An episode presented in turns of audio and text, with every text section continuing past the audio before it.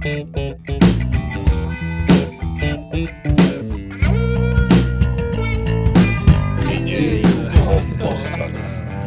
šitą mačiau eidamas Gedimino prospektų kažkada ne per seniausiai, tai buvau susidūręs irgi su... Su NSO? Taip, su, su NSO. Prie McDonald'o būna apie antrą nakties Jis labai buvo. ASO turbūt, bet jisai buvo ekstraterrestrialinė gyvybės forma. Mes vis dar apie puidoką. Nu jo, jis iš Sirijos planetos yra sistemos, atsiprašau. Alkoholizuotas, šlaužantis objektas.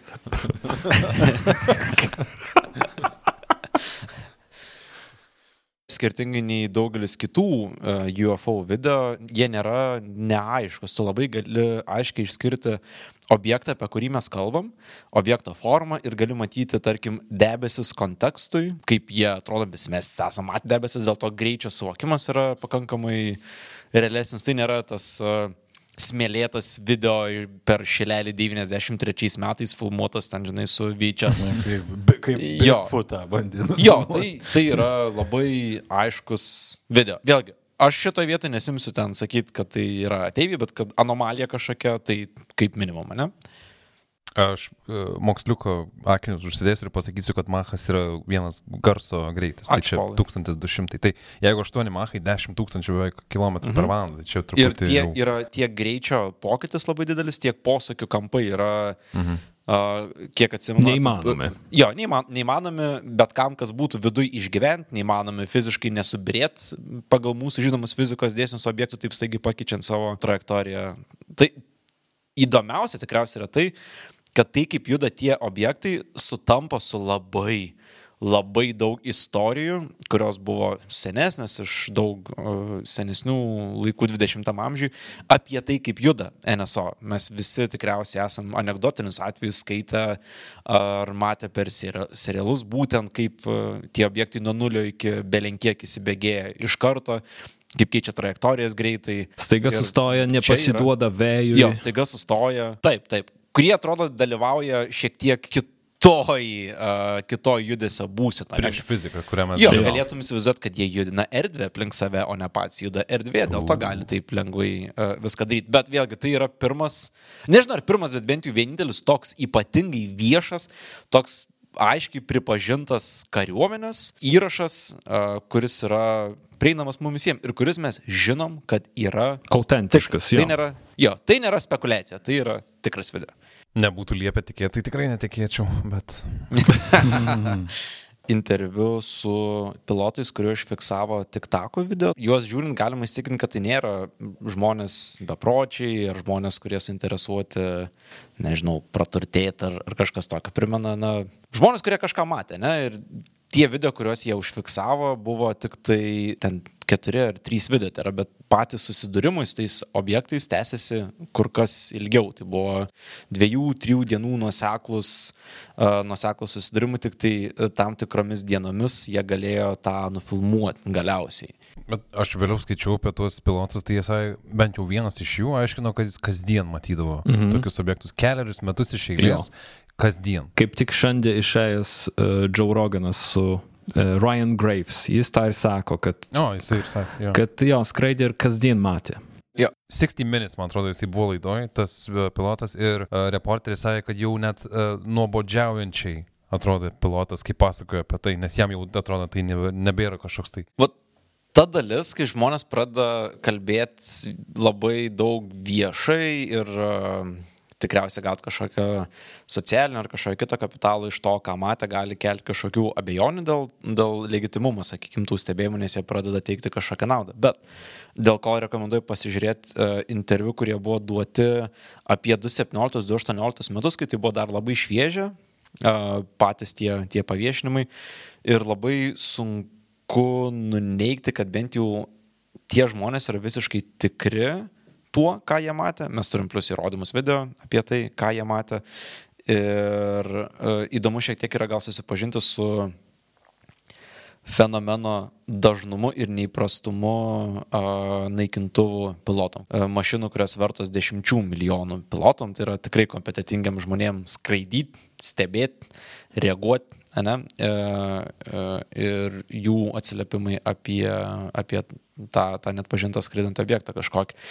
Einant toliau, kai žmogus gal eina pas Joe Roganą, nežinau, e, gali atrodyti, kad atsiranda papildomų detalių, kuriant savo kažkokį naratyvą. Tai kad mačiau kiekvieną dieną, kad, žinai, susideda ansatas ant, ant istorijos, nes tu realiai tampi pagrindiniu tos istorijos varančiuoju objektu, žmogum, nežinau. Taip ir laiko Hollywoodėje istorija. Spėčiau ne tik dėl to, kad Deneso, bet kokią istoriją. Paim bet kokią pagramantis vaiduoklį, pasakok 200 metų ir ten, žinai, taps bet kas iš, iš šito dalyko. Bet e, tai nenuneigia, nesu pagramantis vaiduokliu, bet su šita konkrečia istorija paties fakto, kad tai buvo. E, matė ne vienas pilotas, matė net žmonės, kurie buvo ne pilotai, o buvo lėktuvnešiai. Na, yra daug corroborating uh, evidence šitam, šitam Daug, dalykui. daug patikimų. Jo. uh, Liudininkų. Nebent yra neįtikėtinas bairis, kurių vienas lėktuvnešis ar du lėktuvnešiai susitarė, kad žinot ką, nuprenkinam visą pasaulį, tu, I don't know. Ir, ir shit got out, out Jo. of hand. Ir, uh, next thing you know, you're at Joe Rogan. Kongresmenai, kurie dalyvavo viešam ir neviešam posėdį e, NOR klausimu, nusprendė, kad šito klausimo jie nepaleis. Louis Elizondo teigimu, jiem buvo pristatyti kiti filmukai žymiai aukštesnės kokybės ir su daugiau detalių. Apie jų egzistavimą šneka ne tik jis, ale ir Harry Reid šnekėjo, ir Christopher Mellon, ir tas pats Tom Wilson. Įsivaizduojat, kas daugiausiai žinotų apie šitus, uh, kur negalima uh, kalbėti kongresmenam ir kongreswomenim uh, apie tai, tai jų žmonos ir vyrai turėtų atskirą klubą įkurti ir tiesiog kalbėtis apie tai ir tapti didžiausiais aktyvistais. Gal, gal. Tas. UFO pillow talk, kur, žinai, ką mačiau šiandien darbę. Tik ta. Kur tu buvai visą dieną? Sakiau, kad girtas grįžti. Tai žinai, jie tiesiog sėdėjo savo tam kambariukį, vienas iš tų dviejų išverčia tik takos ant, ant stalo ir tiesiog pradeda susprikti A. žais, žinai. Visa tai vyksta po uh, dviejų savai, savaičių praleistų Las Vegase, kurie pragėrė visą biudžetą, kurį turėjo šitai programai. Reikia A, kažką kažką greitai. Jo, Kažkokia tai ataskaita. Aš vatos padarysiu, ble, debesis, tu greitai žiauri trauk tą tik tak ir... Call of Duty efektų pridėsim, atrodo, kaip per lėktuvą. Žiūrėjau, jam dreba rankos ir taip, kai filmuoja, tai gerai atrodys prastesnės kokybės. Labai gerai, labai gerai. Tai dar vieną apčiulptą apie klijuotą kameros. Tiek e, raporto, tiek posėdžio pasiekoj JAV kongresas įvedė naują įstatymą numeru S.4503, kuris tarp kitko Nu, Pizdatom. nurieda nuo liežuvio Jo. tiesiog. O jūs, o jūs neužsirašinėjat? S.45. Ja, gali pakartoti? 4503. Nėra raidžių pat. Palauk, palauk, užsirašysiu į savo kalendorių. Pagaliau rimtai traktuojat tai, ką aš čia rašau. Ir tas įstatymas, tarp kitko, sistemizuoja NSO savoką. Todėl oficialiai e, UAP Task Force užseima, tai pagal įstatymą, transmedijiniais objektais ar prietaisais bei net pažintais oro ir povandeniniais reiškiniais. Transmedijiniai reiškia tokie, kurie gali keliauti in iš vandens, in orą, in kosmoso erdvę, kad jie gali keisti aplinkas.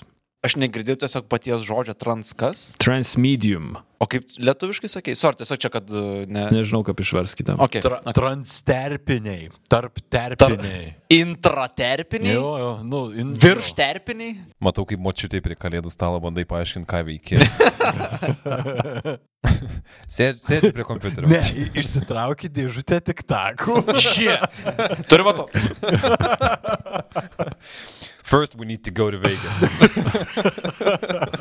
Įstatymas taip pat įvardina, kad UAP Task Force'as užseima, kabutėse, šiuo metu nežinomom technologijom ar aplinkom. Other domains. Vėlgi čia yra oficialūs dokumentai.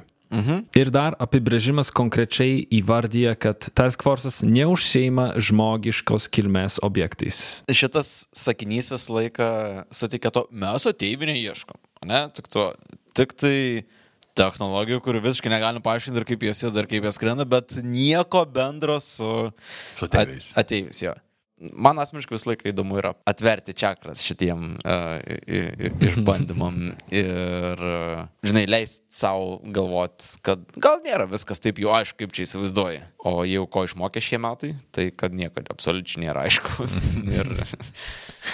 Kaip įdomu, kad uh, valdžia uh, Amerikos, kuri nu, turi tą techniką. Šitoj, mm -hmm. šitoj vietoj tai tiesiog tai yra žmonės, kurie turi resursus stebėti tokius dalykus. Jie iš karto yra tokioje, atrodo, pozicijoje, kad jie turi ir paaiškinti tai. Nors jie tai galėtų būti traktuojami tik tai kaip, vat, ką dabar ir padarė, kaip ir uh, jūs pasakojat, kad vat, patikė įrašus, ne? Ir viskas. Čia viskas, ką mes darysim. Daugiau mes uh, paaiškinti kažkaip to neturim, čia jūsų vaizduoti, jūsų išsilavinimo, jūsų, pagal jūsų nuožiūrą. Tai įdomu, kad jie turi išleisti kasmet, pavyzdžiui, po tokį dabar dalyką. Mhm. Įdomiai įpareigoti jie. Paaiškinimą jie turi turėti dėl to, kad pasirodo, kad jie išleido milijonus dolerių tiem tyrimam. Kad, kad jie turi specialias organizacijas, valstybinius organus, kurie tik tuo ir užseima. Tai, žinai, netam skiri belekiek pinigų iš biudžeto meteorologam, kad nežinot, koks bus oras rytoj tu pas juos eini klaust. Mhm. Jeigu neduodi nemokamos sveikatos apsaugos, tai jau geriau paaiškink, kodėl. Jo. Turi būti gera istorija. tai va. Yra daug tik tako. Tik tako, jo.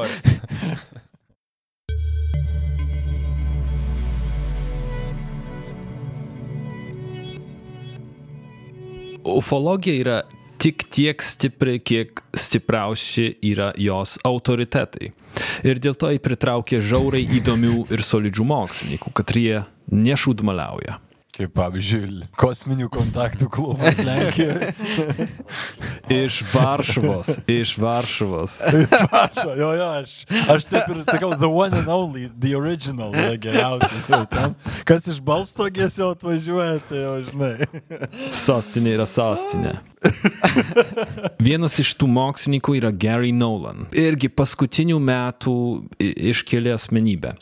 Jis yra imunologas, išradėjas, akademikas, verslininkas, kuris atnešė žiauriai įdomių naujienų, būtent NOR klausimų.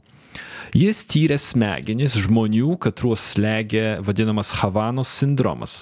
Havanos sindromas irgi galbūt iki jūs feedo pateko naujienos iš prieš kelių metų iki pat dabar. Tai yra lyga neaiškios kilmės, kurias skundėsi daugumoji diplomatai JAV, kuris pasireiškia skausmais, bizgėjimo ausyse bei kognityviniam problemom. Tai gal sunkumai susikaupti ir panašiai. Ar čia buvo Kuboje? Buvo Kuboje, bet registravo visam pasaulyje. O tai nebuvo kažkokio ginklo panaudojimas. Jo, garsinio kažkokio jo. uh, ginklo. The Brown. No. The Brown. No. uh, jeigu turi įrodymų su gerai dokumentuotais šaltiniais, mielai paskaitysiu. Šiaip mielai paskaitysiu ir bet ką, ką turiu. Ha Havanos sindromas. Havanos, taip? jo. Havanos. Ir vad Gary Nolanas tyrė žmonių smegenis ir pastebėjo koreliaciją. Visų pacientų viena smegenų dalis yra geriau išvystyta ir pastebėjo įdomią koreliaciją, kad e, tai yra taip pats kaip su žmonėm, kurie teigia matę NSO, kurie turėjo antro ar trečio laipsnio kontaktą. Bet ar tai yra pasiekmė ar priežastis? Priežastis jo, mhm. atvirkščiai. Geras klausimas. Jis nežino. Gary Nolanas, jis spekuliuoja, kad sugebėjimas iš viso pamatyti NSO gali būti sąlygotas biologiškai, kad kai kurių žmonių smegenys yra išvystyti kitap ar geriau ir dėl to jie gali bendrauti ar matyti tuos reiškinius. Mhm.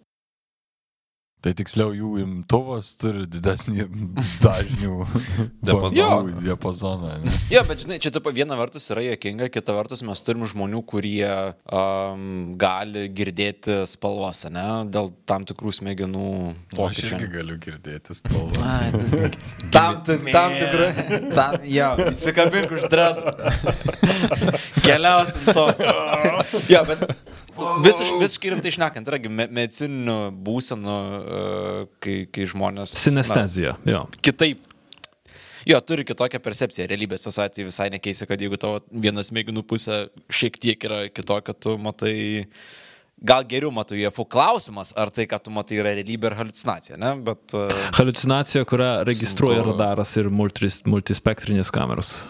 Kolektyvinė halucinacija. Mm. Radaras ir halucinuoja. Radaras žmogaus išradimas, viską, ką mes išrandam, gali meluoti mums lygiai taip pat, kaip mes norim. Kad O gal tie radarai irgi kažkuria savo dalį turėjo labiau išplėtotą tie žmonės, ne? Mm? Daugiau raudonų laidų buvo. Labai rekomenduoju uh, interviu su Gary Nolanu, nes tai Pas Leksą Friedmaną? Pavyzdžiui, negaliu rekomenduoti Lekso Friedmano, Lekso Vatniko Friedmano, bet uh, šiaip Gary Nolano labai. Bet čia ne viskas. Už tai, kad Gary Nolanas, neatskleisdamas šaltinio, įgavo tariamai nežemiškos kilmės metalo gabaluką. Jis davė tą gabaluką ištirti mokslininkams Stanforde, tai yra savo universitetam, bei specializuotiem metalurgam. Visi jie patvirtino, kad lydiny esantys izotopai nėra natūralios kilmės ir Žemėje jie neaptinkami. Mes niekada nekeičiame izotopų santykio stabiliuose izotopuose, išskyrus naudojant juos kaip žymeklius. Tai reiškia, kad jei randi metalą, kurio izotopų santykis yra pakitęs labiau nei įprasta gamtoje, vadinasi medžiaga buvo sukurta dirbtinai. Medžiaga tai procesų pasiekmi, kažkas ją sukūrė, belieka paklausti, kas ir kodėl. Tai čia tokias, sakyčiau, so, stiprai mokslininko žargonų pasakytas teiginys, kad šitas metalas yra nežemiškos kilmės. Jo, arba sukurtas, gal akcentuočiau, ne, šitą vietoj. Sukurtas, ta prasme, kad tai nėra natūralus. Nu, bet irgi, ar mes žinom visus uh, procesus, kuriais uh, yra sukūriama kažkokia tai uh, medžiaga? Žinoma, kad ne, bet uh, spėčiau vis laik yra, kai kalba amerikiečiai apie kažkokį uh, sukurtą objektą, tikriausiai vis laik yra um, prielaida, kad uh, jie jau žinotų, ne, jeigu būtų mm. kažkas sukurta, nes vis dėlto yra lydinanti mokslu šalis, ne, valstybė. Tai. Čia irgi pridursiu, pats Gary Nolanas sako, kad jo, mes galėtumėm pagamyti ir mes žinom kaip, mes turim know-how. Bėda ta, kad sukurt to dydžio gabaluką, kurį jis turi, kainuotų milijardus, literaliai milijardus dolerių. Ir tada kyla klausimas, tai kas sukūręs milijardus vertą objektą išmeta į tiesiog paplūdimį kažkur. Benderis, Benderis galėtų šitai padaryti. Įsivaizduoju šitą, uh, šitą situaciją. Skamba, Tomai, skamba šitai kaip pasvarstymai apie tai, kad įmanoma sukurti antimaterijos tam tikrus objektus, bet tai kainuotų daug daugiau negu visos planetos BVP padauginus iš 10. Jo. Kaip ir yra galimybės tai padaryti, tai būtų labai naudinga, bet neįkandama mums mum šiuo metu klausimas dėl naudinga, nes nežinia, yra, kokia funkcija. Ar tai yra pagrindinis to proceso e, elementas, mhm. kuris, ar tai yra šalutinis kažkoks šaukštė ar katalizatorius, ar kas tai bebūtų. Tai vad, tai tokios yra šitų metų naujienos su NSO susijusios ir mes net nepalėtėm to, kad veikia NASA, pavyzdžiui, kuri įsipareigojo pilnai dabar tirt net pažintų oro reiškinių temą. Mes nepalėtėm Avi Loeb, ką jis šneka, kokia yra jo nuomonė, tai yra nu, garsus e, astrofizikas, e, kuris dalyvauja Galileo misijoje, kad rast gyvybę kitose planetose. Ir mes net, pažiūrėjau, nepašnekėjom apie Jameso Webo teleskopą, naujausią, kuris irgi galbūt priartys mm -hmm. mus prie mhm. atsakymo. Vienas e, iš to teleskopo tikslų yra stebėti egzoplanetas, kurių mes es, na, ne mes, akivaizdu, bet NASA yra radusi virš 4000 šiuo metu, bet šiuo metu jau gyvenam su prielda, kad kiekviena žvaigždė turi bent po vieną planetą. Ir e, apytikslis skaičius žvaigždžių tik tai mūsų galaktikoje yra 100 tūkstančių, bijau pameluoti, ar milijonų, toj, toj. Ar milijonų, ar milijardų? Šimtas tūkstančių milijonų žvaigždžių vienoje mūsų galaktikoje. Mūsų galaktikų spiečiuje yra šimtai tūkstančių galaktikų. Tai, nu, galite įsivaizduoti. Turim tokių skaičių? Taip, taip wow. tai re, realūs pa, patikrinti skaičiai. Bet Jameso Webo teleskopas nėra tam, kad žiūrėtų į tas kitose galaktikose esančias planetas, bet labiau į tokias planetas kaip pavyzdžiui Kepler 442b. Oh, my favorite. Taip, uh, tai, tai Iš Keplerų viena fainiausių. Jos skamba gal neįspūdingai, bet tai yra kol kas lab, planeta, į kurią mokslininkai, e, NASA's mokslininkai, ypatingai ir Jameso Webo a, administratoriai kreipiantis daugiausiai dėmesio, nes tai yra realiausias kandidatas į Žemę 2, nes yra labai panašaus dydžio, yra... Tai, taigi visi žinom, kad Kepleris 441 yra savartynas ir ten Taip, niekada važiuoja. 442 A yra visiškai a, per... Taip, tai būtent Webo teleskopo pagalba bus bandoma a, žiūrėti į a, spektrogramą atmosferos šitos planetos, ko anksčiau nebuvo galima padaryti dėl to, kad ankstesni teleskopai neturėjo šitų galimybių, kurias turi turnuėsis ir gal išsiaiškinti, ar ten yra vandens. Ir jeigu paaiškėtų, kad yra vandens, labai tikėtina, kad jis yra tokia pat forma kaip pas mus, tai vadinasi, kad ir planeta su skystu vandeniu, kuris skrie aplink žvaigždę, kurios gyvenimo laikotarpis yra šešis kartus ilgesnis negu mūsų žvaigždės. Tai jie turi daug, daug daugiau laiko gyvybei a, susiformuoti. Ir e, jeigu rastų kažkokių dujų, kurios atsiranda mūsų manimo dirbtiniu būdu, būtų visai realus įrodymas, kad gal už 1128 šviesmečių yra planeta, kurioje gal kažkas gyvena. Nesakykit Maskui, sugalvos krist paskui. Ne, Maskas. Maskas jis Tegul nėra iš šitos planetos. Jis pats, ats- jis yra imigrantas. Cape, ne, Jo. koks yeah. Cape Paksas. Jo, taip. Jis ieško, kur jam grįžti, reikia suprantati. Čia uh, turiu kažkurioje vietoje epizodą šitą išmesti iš savęs, nes labai noriu išmesti šitą iš savęs, bet kalbant apie uh, kitų planetų stebėjimus, niekaip negaliu atsidžiaugti vieno uh, NASA's mokslininko sugalvotų metodų, kaip mes galėtume daug geriau pamatyti kitas planetas, tai yra panaudoti mūsų pagrindinę Saulės sistemos žvaigždę kaip uh, lin, lens, kaip mm, Lešį. kaip lešį, jo, žiūrėti į tolį, panduoti gravitaciją tam, kad sufokusuotum vaizdą. Ir jeigu mes galėtume padėti uh, žmonių sukurtą aparatą tam tikroje savo Saulės sistemos vietoje, kas yra maždaug tokiam atsume, kur dabar yra Voyager 1, man atrodo, uh, palidovas sukurtas, galėtum Saulę panaudoti kaip uh, lęšį. Padidinimo stiklo dydis reikštų, kad mes galėtume turėti planetos esančios prie kitos žvaigždės nuotrauką tokiu pat ryškumu, kokiu mes turim savo planetos nuotrauką iš erdvės tarp Žemės ir Mėnulio. Ne? Tai yra labai arti, labai ryšku, kur tu jau gali žiūrėti, ar kažkas gyvena ar ne.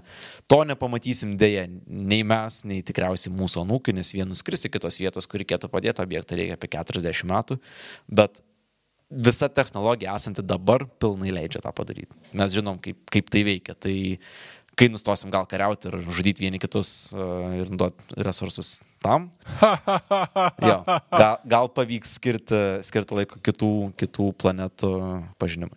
Hey, Voyager 1 dabar yra maždaug 23 milijardai kilometrų nuo Jo, Žemės. ir net heliosferos nepaliko dar iki galo.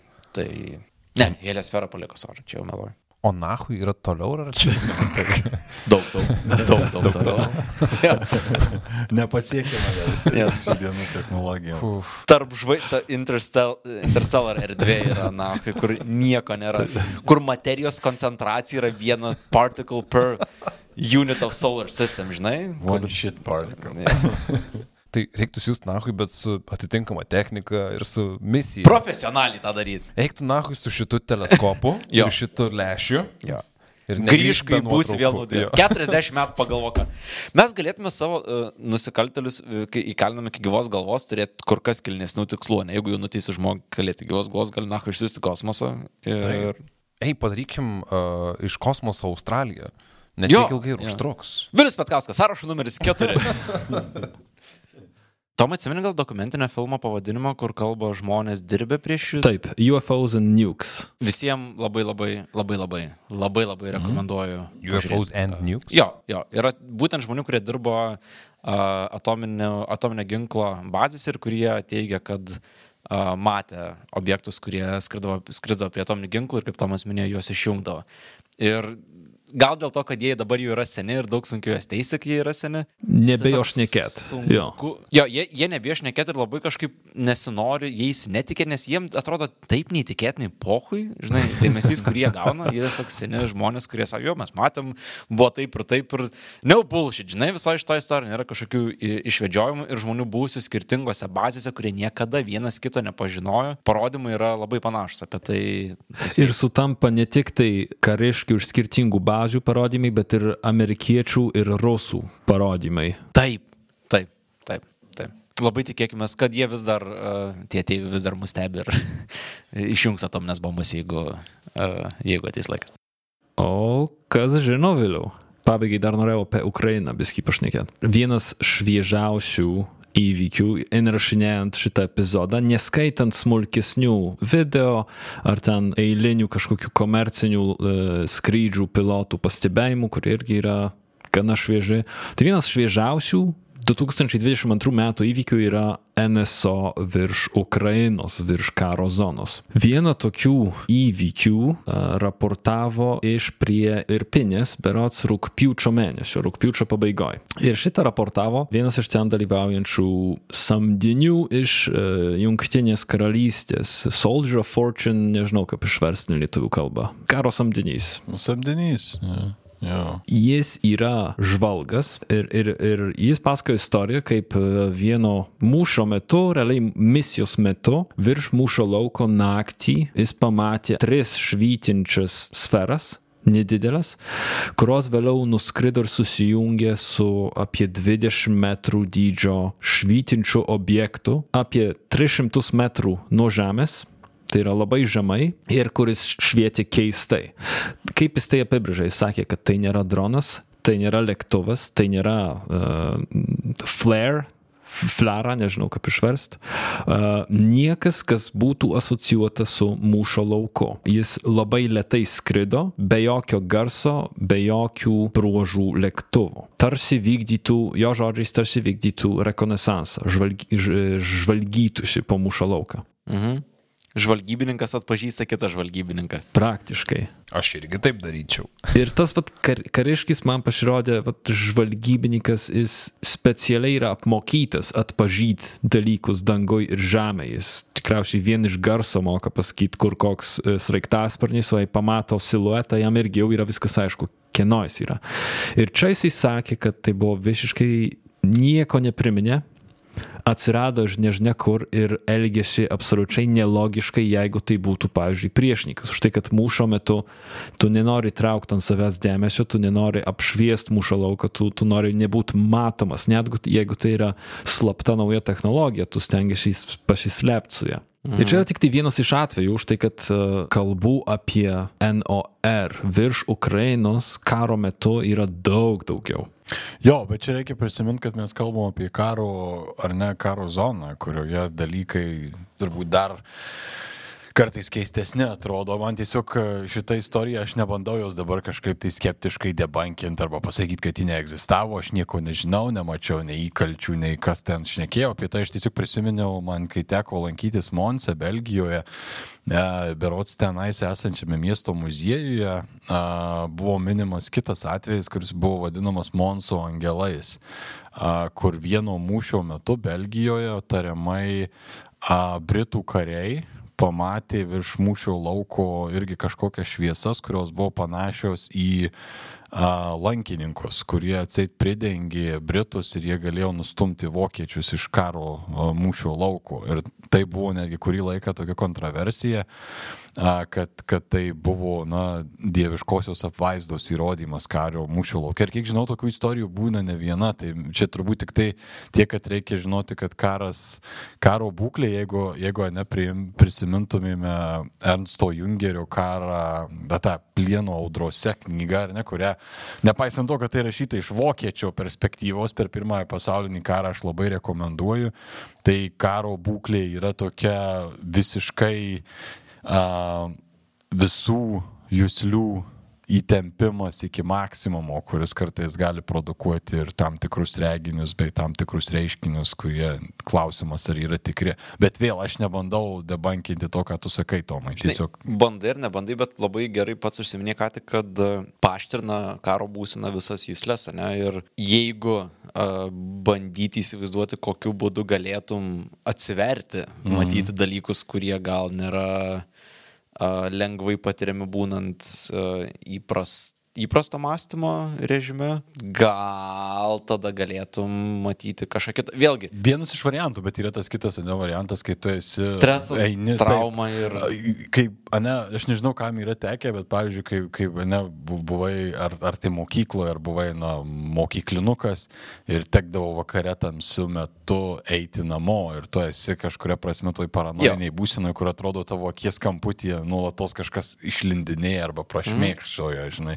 Tai, nu, čia toks vienas iš dviejų turbūt. Visiškai. Kita vertus e, yra įdomus motyvas, kuris gali būti paaiškinamas viena vertus e, tuo, ką tu ką tik pasakojai, Varai, e, padidėjusio jautrumo aplinkai. Taip. Kita vertus, konfliktų metu panašu, kad jeigu leisim savo įsivaizduoti, kad yra kažkokia nežemiška, mus stebinti gal ar būtybė, ar kad ir kas tai bebūtų, mes patys žaties, nesvarbu. Konfliktai masina, ne? Įdomu stebėti, kas vyksta, kodėl vyksta. Primena kažkuo atveju, kaip mes patys tikriausiai žiūrėtume į žemesnių gyvybės formų skrudžių konfliktą kokį nors, ne, kur, nu, tu žiūri, kuri, kuri ten grupė laimi tau įdomu stebėti, kas ir kodėl vyksta, tu nesikiši, tavo presence, tu nemaskuoji, kad tu ten esi, nes tu žinai, kad tavęs negali niekaip net paveikti šitai, ne.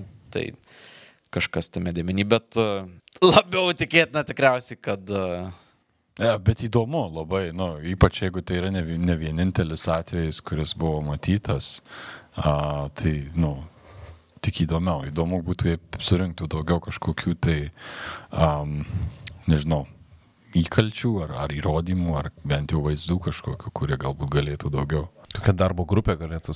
Žurnalistas paklausė to kariškio, tai kodėl nefilmavot, jeigu ten turėjot kelias minutės, kada tas daiktas e, sklandė, o jisai sako, žinot, buvo svarbesnių dalykų tuo metu nei stovėti ir filmuoti. Jo, jo, aš būtent. Įsivaizduoju, jo, kad Taip.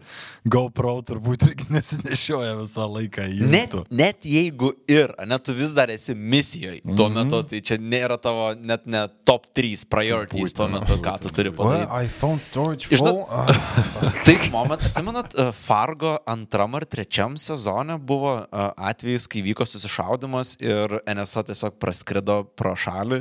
Ir, ir vienas iš veikėjų, neatsimenu, kuris pasižiūrėjo iš tai, bet tai taip mažai impactino visą siužetą, kad A, jo. labai mm. primena būtent tas situacijas, kai viskas vyksta taip ypatingai greitai aplink, kad tu matai, kad tai vyksta, bet uh, tu turi Skipini, shit to deal jo. with now. Jo, Ta jo, prasme, jo, nėra tiesiog uh, kažkas, kam trauksis kamera, blet, tai tave šaudo tuo Čia, metu. čia kaip tas tavo kažkada pasidalintas e, eksperimentas buvo, ne psichologinis, kur tiesiog vykstant dideliam chaosui kažkas gali įeiti bežionės kostiumu Taip, ir niekas nepastebės, nepastebės.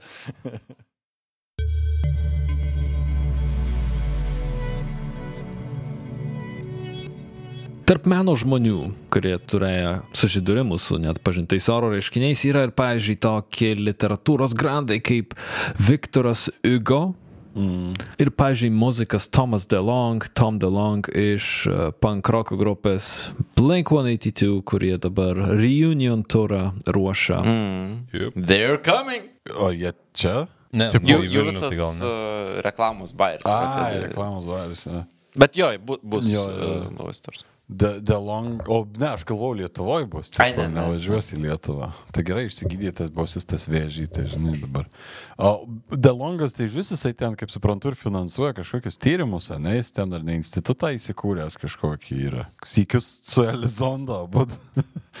Jo, Tom DeLong yra, jo vaidmuo yra tokias labai paslaptingas tam tikrą prasme, už tai, kad jis tiksliai tiesiai šviesiai nesako, koks yra jo vaidmuo NOR klausimų, išskyrus vieno, kad jis yra komunikatorius. Jis yra grandis kažkokia tarp liaudies ir tarp uh, G žmonių, vyriausybės atstovų. Jis, tarp kitko, kažkiek atsakingas už šitą 2020-2022 metų atskleidinėjimą. Jis ten yra prikišęs nagų. Jo, su tais video išleistais ten. ir- O jis nėra žmogus, kuris turi pakankamai resursų, kuriuos galėtų skirti tyrimam ir kartu sutraukianti žmonės, kurie užsijima tyrimais, ne? Jis įkūrė įmonę, tarp kitko, su anksčiau minėtu Bob Bigelow, tuo milijonierium, mm. kuris Remote Viewing irgi yra. Įkūrė įmonę pavadinimu To the Stars Academy. Ir čia jau yra mano interpretacija ką jis veikia, bet panašu, kad jis komunikuodamas liaudžiui apie tai, kas iš tikrųjų vyksta už tose laboratorijose, už vyriausybės durų, jis nori kažką sukurti panašaus galbūt į Marvelą. Turiu omeny panaudot tuos faktus, tas tikras istorijas entertainmentui ir šitaip pratyt publiką prie minties, kad mes ne vieni visatoj. Už tai, kad jis labai atvirai ir labai dažnai kalba apie, apie savo nuomonę, apie savo patyrimus ir konkrečiai apie ateivius šneka. Jis net ne, nespalvino to kažkaip e, diplomatiškai, bet e, jis yra giliai, giliai inlindęs į šitą temą ir definityviai entertaining yra e, interviu su juo. Plus tas jo To the Stars Academy tarp pagrindinių to viso Endeavor žmonių yra ir Luisas Elizondo ir mūsų jau minėtas Kristupas Arbūzas. Tai jis turi ir kontaktus ten visoji toj bendruomeniai neblogus, kaip suprantu. Jo, bet kartu ir atrodo, kad e, kai turi ir vėl kiek yra daug žmonių, kurie nori leidžia savo resursus e, NSO tyrimų, didelius resursus. Tai tikėtina straukia tuos potencialius mokslininkus, ne, iš šitos srities. Ar klystu, ar uh, Blinku žmogus buvo nusipirkęs Skinwalker Ranch? Ne, Ne? atrodo. Bob Bigelow nusipirko ir jis Jo. dabar yra savininkas to Skinwalker Jo, Ranch. visai. Okay. Kartu ir atkreiptau dėmesį į slaptas CŽV programas šaltojo karo metu buvo faktiškai tyriama remote viewing, e, apie tai yra dar toks pamirštas tikriausiai filmas su Evanu McGregoru ir George'u Clooney berots Men Who Stare at Goats, uh, bet apie remote viewing visai irgi įdomių, įdomių teiginių yra. E, Pavyzdžiui, Robert Bigelow, jis lygiai tą patį sako, kad remote viewing yra įmanomas. Šito aš neverifikavau ir nelindau į šitą, į šitą daržą visiškai, bet e, gal ateičiai visai įdomu būtų panagrinėti kažką panašaus, kas yra glaudžiai susijęs su MK Ultra programa mhm. ir pirmais bandymais LSD panaudot darbo aplinkoje. Ja. Vėlgi, Silicijos lėnis iki uh, Silicijos lėnio. Įdomu, kiek dabar CŽV freelancina tokių team viewerių. Nes čia, nu, blemba, CŽV direktorius prie ir pasakė man, kad susisiekė su moterim. Tai CŽV direktorius jau turėjo tą kontaktą, čia ne Karterio kontaktas. Žinant, kad JAV teisėsaugos pareigūnai naudodavo visiškai pilnai ekstrasensus tam, kad rastų nužudimo aukas ir vietas, tai neskamba labai neįtikėtinė, ne, kad tai galėjo būti. Rusija tai daro iki pat dabar, tai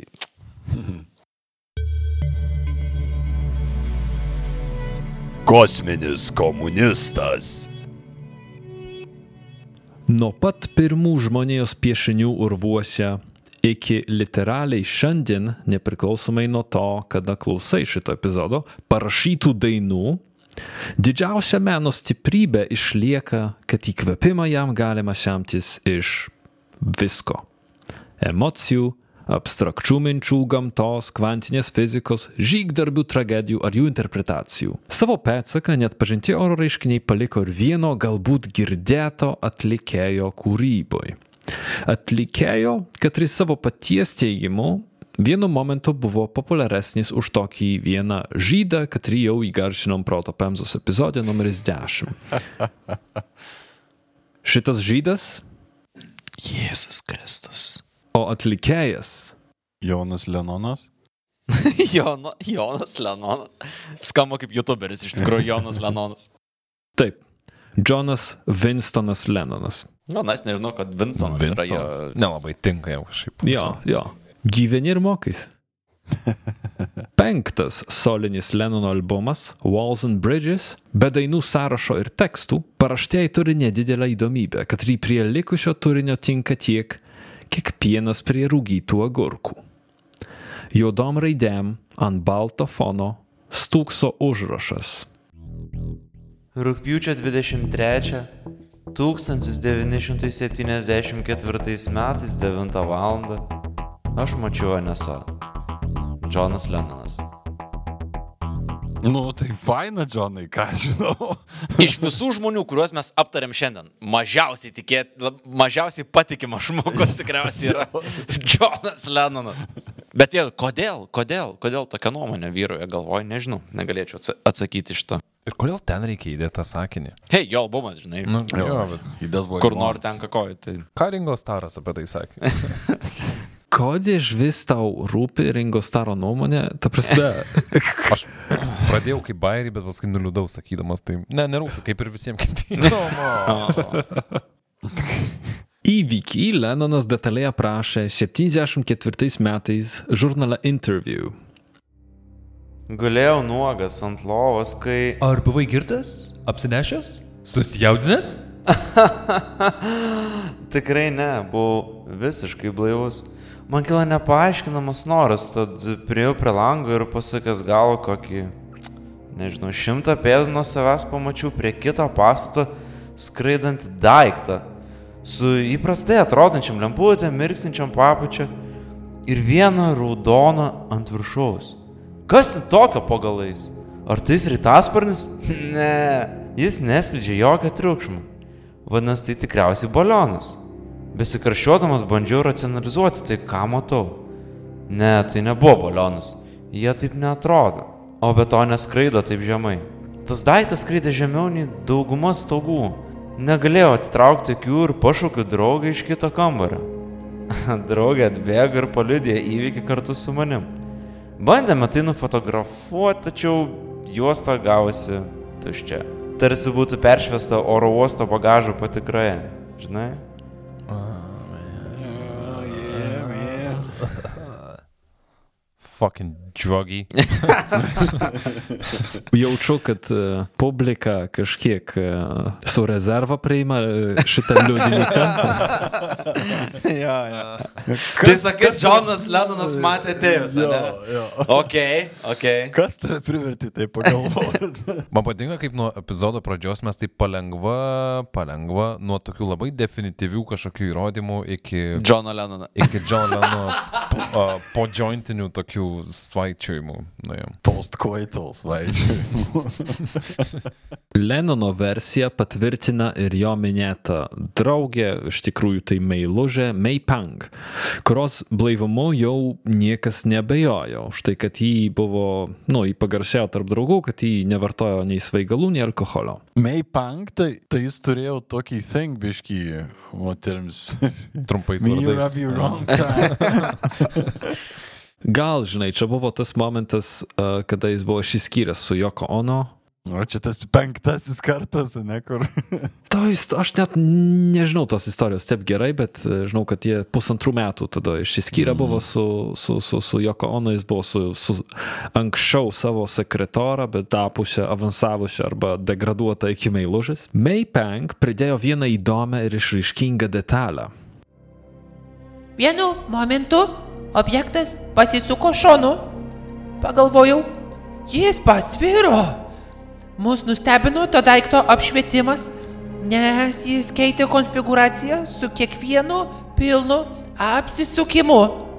Objektas judėjo be garso ir anot liudininkų oras aplink vibravo, lyg būtų inkaitęs. Jis stebėjo vaizdą kokį 10 minučių, kol NSO pamažu pasitraukė link East River ir dingo iš akiračio kažkur ties Brooklynu. Lennonas paprašė savo draugo, fotografo Bob Gruen, kad jis nuneštų fotojuostą, kaip jau minėjau, rezultatas nekoks, juosta buvo peršvista. Ir Gruenas, tarp kitko, paskambino ir policijai pranešta apie įvykį ir išgirdo, kad jis yra jau trečias asmuo, kad jis teirausi šituo klausimu. Paskambinęs į Daily News redakciją, sužinojo, kad penki kiti asmenys matė tą patį. O New York Times taramai išgirdę klausimą išsyk padėjo ragelį. Tas pats New York Timesas, kuris 2017 publikavo mm. interviu su Davidu Fravoru. Kaip apsisuko stalai. Gal padėjo, ah, he's high again. Skambina. Don't call us anymore, John. Kas antrą dieną skambinėja, nesąmonėm visokio. It's Wednesday already? Jis paskambina. Can you imagine? Tik, kad čia ne Lenonas skambina. Čia Gruenas, ne Lenonas. A, ok, ok. Bet šiaip niekas nepagalvojo apie tą Manhattanę NSO už lango, ką jam reikėjo pamatyti. Mm. Koks Lenonas again, man. Nuogas Lenonas. Jo, toks, kur gal ir nebegrįžtų nuo tada. Dėl to, kad...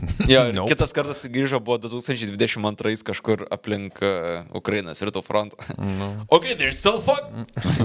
E, Aš jau nuo kokių dviejų pastraipų šimtai, jeigu ne tūkstančiai burnų suširaukė lyg paragavę ananašinį vafliuką. Kaip tai įmanoma? Eik tu.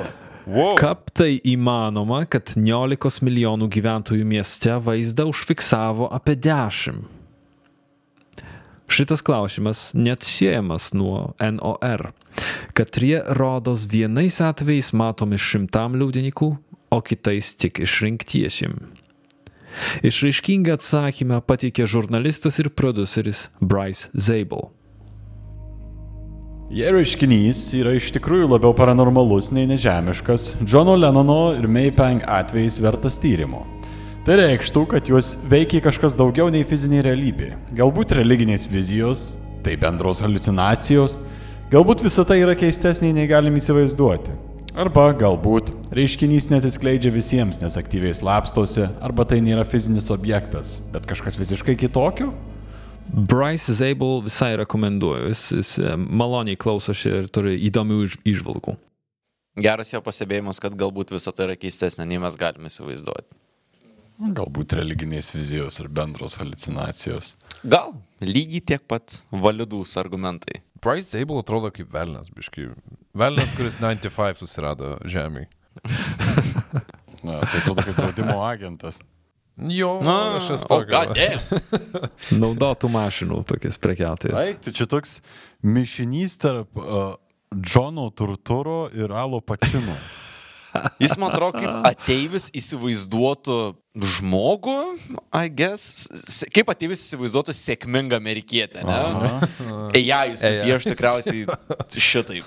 Šita situacija man labai siejasi su Gary Nolano pastebėjimu, kad gal tik tai išrinktieji, tik tai dalis žmonijos iš vis turi organą tinkamą pastebėti tokį reiškinį. Walls and Bridges nėra vienintelis albumas, kuriam Lennonas užfiksavo su savo susidūrimą. Uh, jis tiesmukai aprašė vėlesnio Milk and Honey albumo dainoj Nobody Told Me.